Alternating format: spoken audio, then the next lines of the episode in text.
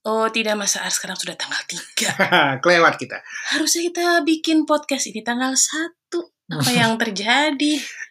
Iya, ternyata kesibukan kita membuat kita terlewat. Tapi Ya. tetap harus jalan. Betul. Jadi kita akan tetap ngobrolin Iya, refleksi Bulan proses Mei. homeschooling di bulan Mei.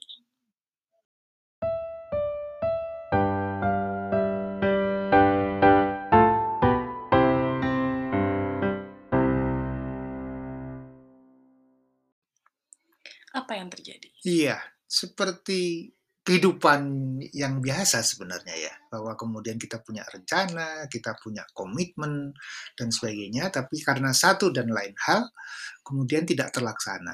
Sampai tiga hari loh. Eh, isunya kan kemudian kita masih mau terus enggak atau kemudian mutung gitu ya. Ya sudahlah, Eh udah terlambat ya. sudah terlambat dan sebagainya. Ya, itu itu yang selalu akan menantang di dalam proses Keseharian. keseharian dan homeschooling kan Eh, ya. betul.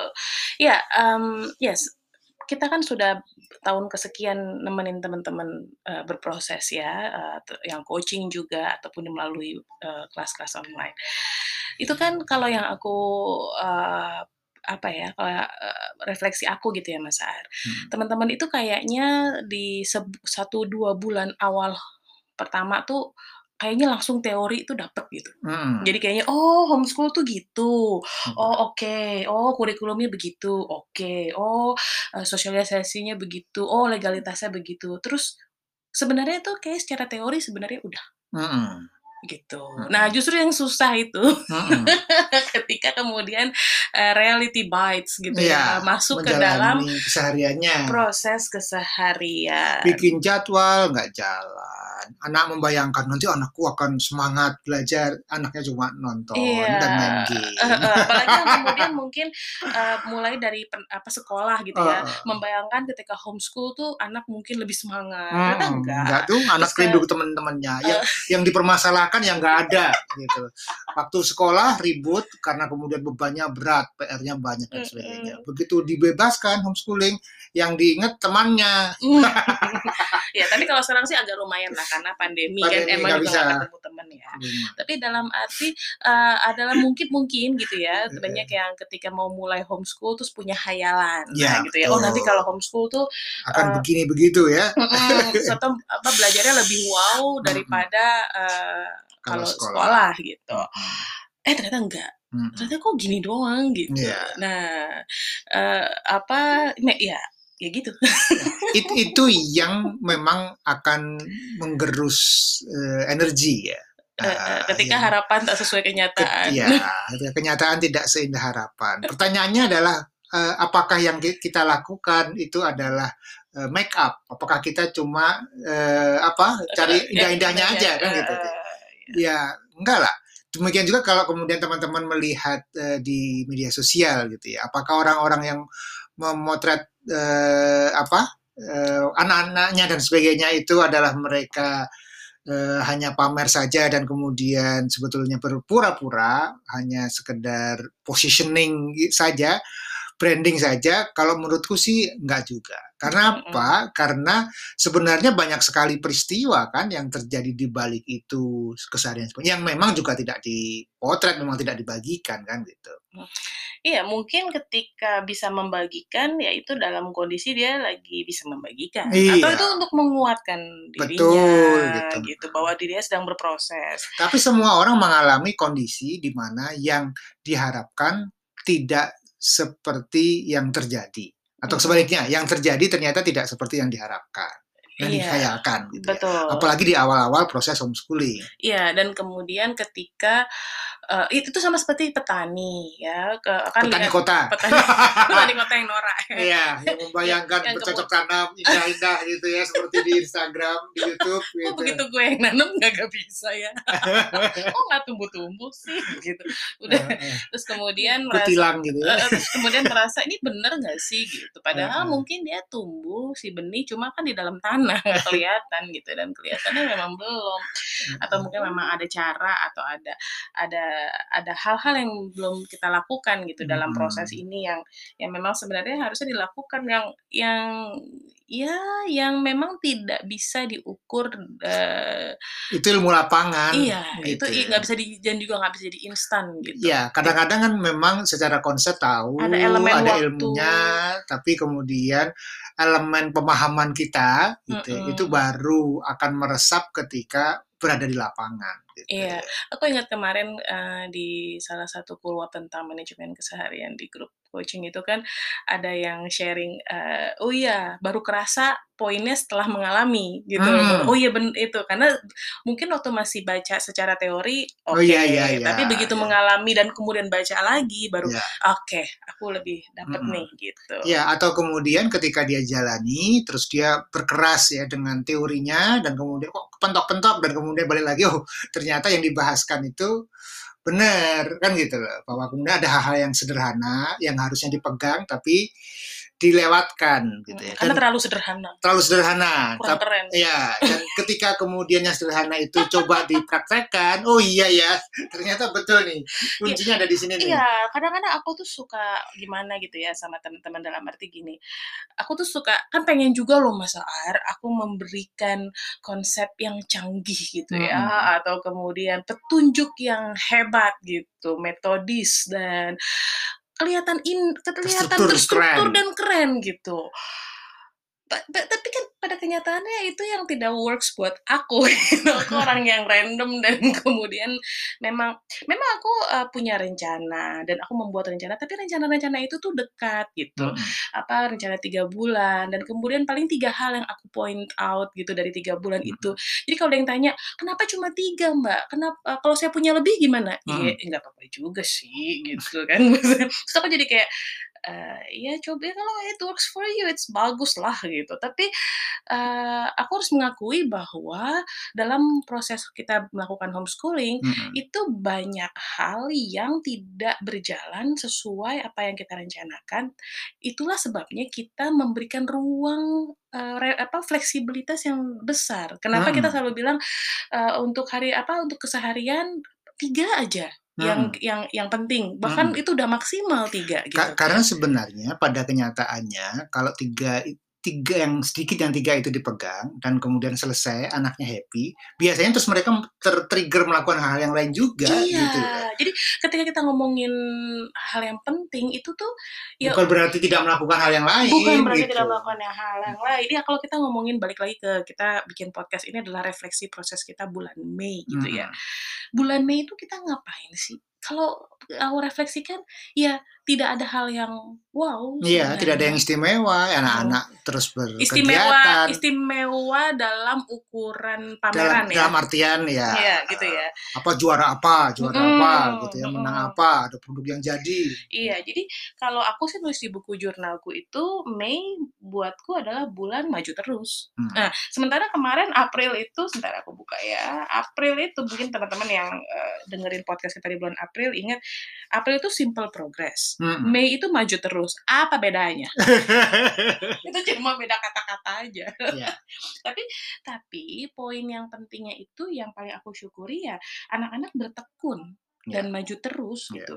Ya Duta nyaman dengan hmm. checklistnya di Google Keep gitu ya. Dia hmm. kayak lebih nyaman daripada di Habitika ya. Mungkin yeah. karena less dis distraction malah justru. Hmm. Habitika itu cakep, tapi kemudian banyak elemen. Hmm. Uh, ya Duta kayaknya cocok yang lebih sederhana, dengan jadi kan bikin pagi bisa tinggal itu selesai nah. gitu kan dan dia dan dia komitmen dengan checklistnya dan itu aku bersyukur terus kemudian ya Tata uh, sesuai dengan apa yang direncanakan kemarin ya dia merancang produk barunya dan sambil mengelola uh, apa produk yang sedang berjalan dan buat aku ya itu hal yang hmm. hal yang masih jalan syukuri. terus gitu ya. walaupun tidak ada yang uh, hal baru yang spesial gitu yeah. tapi itu aku bersyukur untuk hal itu hmm. gitu. Jadi si proses mengelola kreasi tanya sendiri sudah jadi rutinitas. Mm -mm. Tiap hari dia harus bikin video. Mm -mm. Ya, sebetulnya kan itu effort. Mm -mm. Ya, ide, dia hampir nggak pernah miss a day. Nggak pernah. Nggak pernah miss gak a day pernah sejak miss, sejak bulan September itu mm -mm. ya. ya. Setiap hari selalu ada setiap video baru, ada. ada tutorial baru. Dan newsletternya dia selalu newsletter. dibandingin sama. Mm -mm dibandingin sama newsletter sama inspirasi lebih rajin lebih tata. Hmm. Jadi itu aku bersyukur hmm. dengan konsisten. Tapi tidak ada sebuah hal baru karena hal baru yang direncanakan yang akan jadi hal yang besar itu masih progres terus. Ya. Ya dari bulan April masih progres, masih Mm-mm. awal. Bulan Mei ini masih progres. Mm-mm. Ya, jadi Bulan ini maju terus. maju terus gitu ya. Ya. Ya kalau dari sisi kita sih, aku yang bahagia kita berhas, eh, kita sudah bungkus itu dokumentasinya anak-anak dan kirim ke PKBM Ya, di PKBM minta eh, portofolio karya untuk kegiatan eh, belajar. genap. uh, semester genap eh, Mm. 2001 2000 2020 2021 dan Mm-mm. kemudian kita sudah kirim dokumentasi portofolio Nah. Hmm. Oke, Eh, itu kalau buat yang mau lihat bisa lihat juga di ruang member ya. Mm-mm. Ada eh, kemarin supaya buat kebayang, oh kayak gini eh, Hmm. pendokumentasian yang di- dikirim ke PKBM dan gitu. kita akan bahas nanti di webinar tanggal 12 Oke, eh, kalau tentang eh, keseharian homeschooling. Ya, Terus kalau ada- kalau itu kan hasilnya ya, kalau yang lebih kepada teknisnya Mm-mm. itu kita bahas nanti di webinar tanggal 12. Mm. Oke, yang istimewa yang terjadi sama anak-anak di bulan ini eh ya Duta berhasil 2600 sesuai target tiga bulan. Ya. Itu sih. Jadi si rating di chess.com-nya 2600, walaupun Mm-mm. turun lagi. kan biasa kan kalau Kan naik turun, naik turun, naik turun. hit Tapi gitu. pernah hit Mm-mm. 2600 gitu ya. Naik sedikit terus turun turun turun turun turun, naik turun. Eh, Iya. Ya, tapi sudah pernah menyentuh 2600. Iya. Karena itu aja sudah berbulan-bulan nggak dapat-dapat dan Iya, susah. dan itu masuk di target tiga bulan kita Mm-mm. kedua ya, Mm-mm. jadi udah lumayan. Terus ya dapat undangan eh, turnamen offline. Mm-mm. Nah itu eh, itu juga spesial. Ya, Se- eh, Sementara eh, Tata itu ya udah selesai tuh dia produk barunya sudah selesai dia kristalkan, tinggal dia proses bikin. Mm-mm. Mm-mm. eksekusi. Eksekusi. mm-mm. Eksekusi maksudnya tuh rekaman, Mm-mm. terus bungkus-bungkus yang kayak gitu-gitu loh. Mm-mm. gitu. Tapi secara secara konsep Konsep dia udah dapet. dapet dia Nah. Jadi itu pun mungkin juga nggak nggak cepat, mungkin se- bisa sebulan dua bulan. Ya. Iya, dan yang yang spesial sih dia eh, membungkus portofolionya sendiri sih Mm-mm. term ini. Mm-mm. gitu ya. Eh term lalu juga dia bungkus Mm. sendiri. Yang bertumbuh di bulan ini ya Duta tadi ya komitmen membuat eh, checklistnya, terus skill caturnya naik, dia tambah sesi tambahan, terus ya lompatan kesadaran sosial. Nah ini sih sebenarnya kalau yang Mm. aku catat. Mm-mm. Duta sekarang kalau kalau eh, biar dulu kan kita kalau ngobrol tuh bisa dipotong-potong biar dia nggak ngerti ya. Sekarang Mm. dia kayaknya lebih ngerti. Ya, jadi eh, eh, masuk komen yang tepat. Mm-mm. gitu kan kadang-kadang kan eh, anak-anak komen tapi nggak nyambung atau kemudian dia salah dan sebagainya ya dalam sebulan kemarin itu terasa duta mulai bisa masuk ya komen dengan dengan tepat gitu ya Mm-mm. pada obrolan-obrolan di antara kita gitu Iya, kan. bahkan obrolan-obrolan yang mungkin bersayap ya. Mm-mm. Biasanya kan kalau yang jelas sih Duta komen aman, tapi Mm-mm. begitu kita ngobrol obrolan yang bersayap tuh Mm. Duta suka susah kan. Mm. Nah, sekarang ini udah lebih eh, kayaknya dia udah lebih paham nih Iya. gimana cara bahwa ada obrolan-obrolan bersayap gitu. Mm-mm. Ya. jadi kesadaran sosialnya mulai eh, bertumbuh Mm-mm. Iya, kalau Tata sih yang yang bertumbuh itu eh, betul-betul tanggung jawabnya sih. Jadi kan kita ada rencana mau keluar kota kan, sekian hari, terus kita diskusi, terus Tata memilih ya udah aku mendingan eh, Nggak ikut. nggak ikut gitu. Aku aku lebih baik ditinggal sendiri di rumah karena aku harus rekaman apa apa dibandingkan aku ikut jalan-jalan karena gitu. kalau jalan eh, pas distraction kan eh, waktunya akan terkuras waktu eh, Dan dia punya habis. komitmen bikin produk ini gitu. Dan itu kan pada dirinya sendiri sebenarnya Iya. kan. Dan ya itu itu sih buat aku bertumbuh itu Hmm. dari sisi usia dan Hmm. ininya dia dia bertanggung jawab.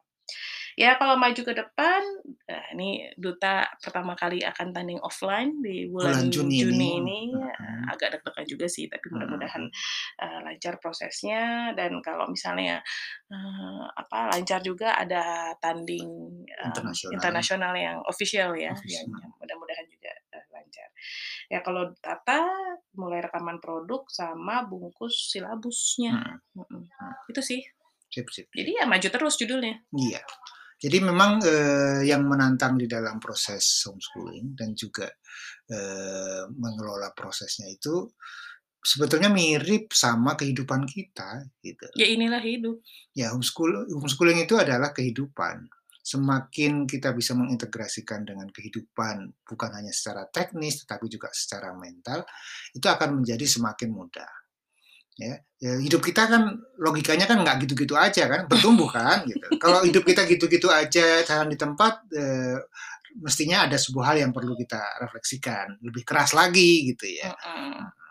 Karena eh, hidup itu bertumbuh, hidup itu Yang namanya benda hidup itu karena dia masih tumbuh. Mm-mm. Kalau dia nggak tumbuh, maka dia ya sebenarnya sudah slowing down yang uh-uh. sudah menuju ke ke- Walaupun proses bertumbuhnya itu tidak selalu hingar-bingar dan tidak selalu berbunga. Mm-mm. Kan dalam pohon itu kan ketika tumbuhan itu ketika dia tumbuh, dia tumbuh daunnya, tumbuh akarnya, tumbuh batangnya, nggak selalu tumbuh bunganya Iya. kan, nggak selalu tumbuh buahnya. tidak tidak selalu Berbuah. berwujud buah dan bunga. Iya, tapi ya dia Harus bertumbuh, bertumbuh. tapi harus bertumbuh. Nah, Hmm. Demikian pula di dalam proses homeschooling anak-anak kita. Mm-mm. ya bertumbuh apanya bertumbuh kepeduliannya bertumbuh kesadarannya bertumbuh eh, staminanya bertumbuh ketekunannya ada wawasannya bertambah pengetahuannya bertambah dan sebagainya kan gitu jadi Mm-mm. banyak aspek yang sangat bisa kita ulik ya di dalam proses keseharian anak-anak dan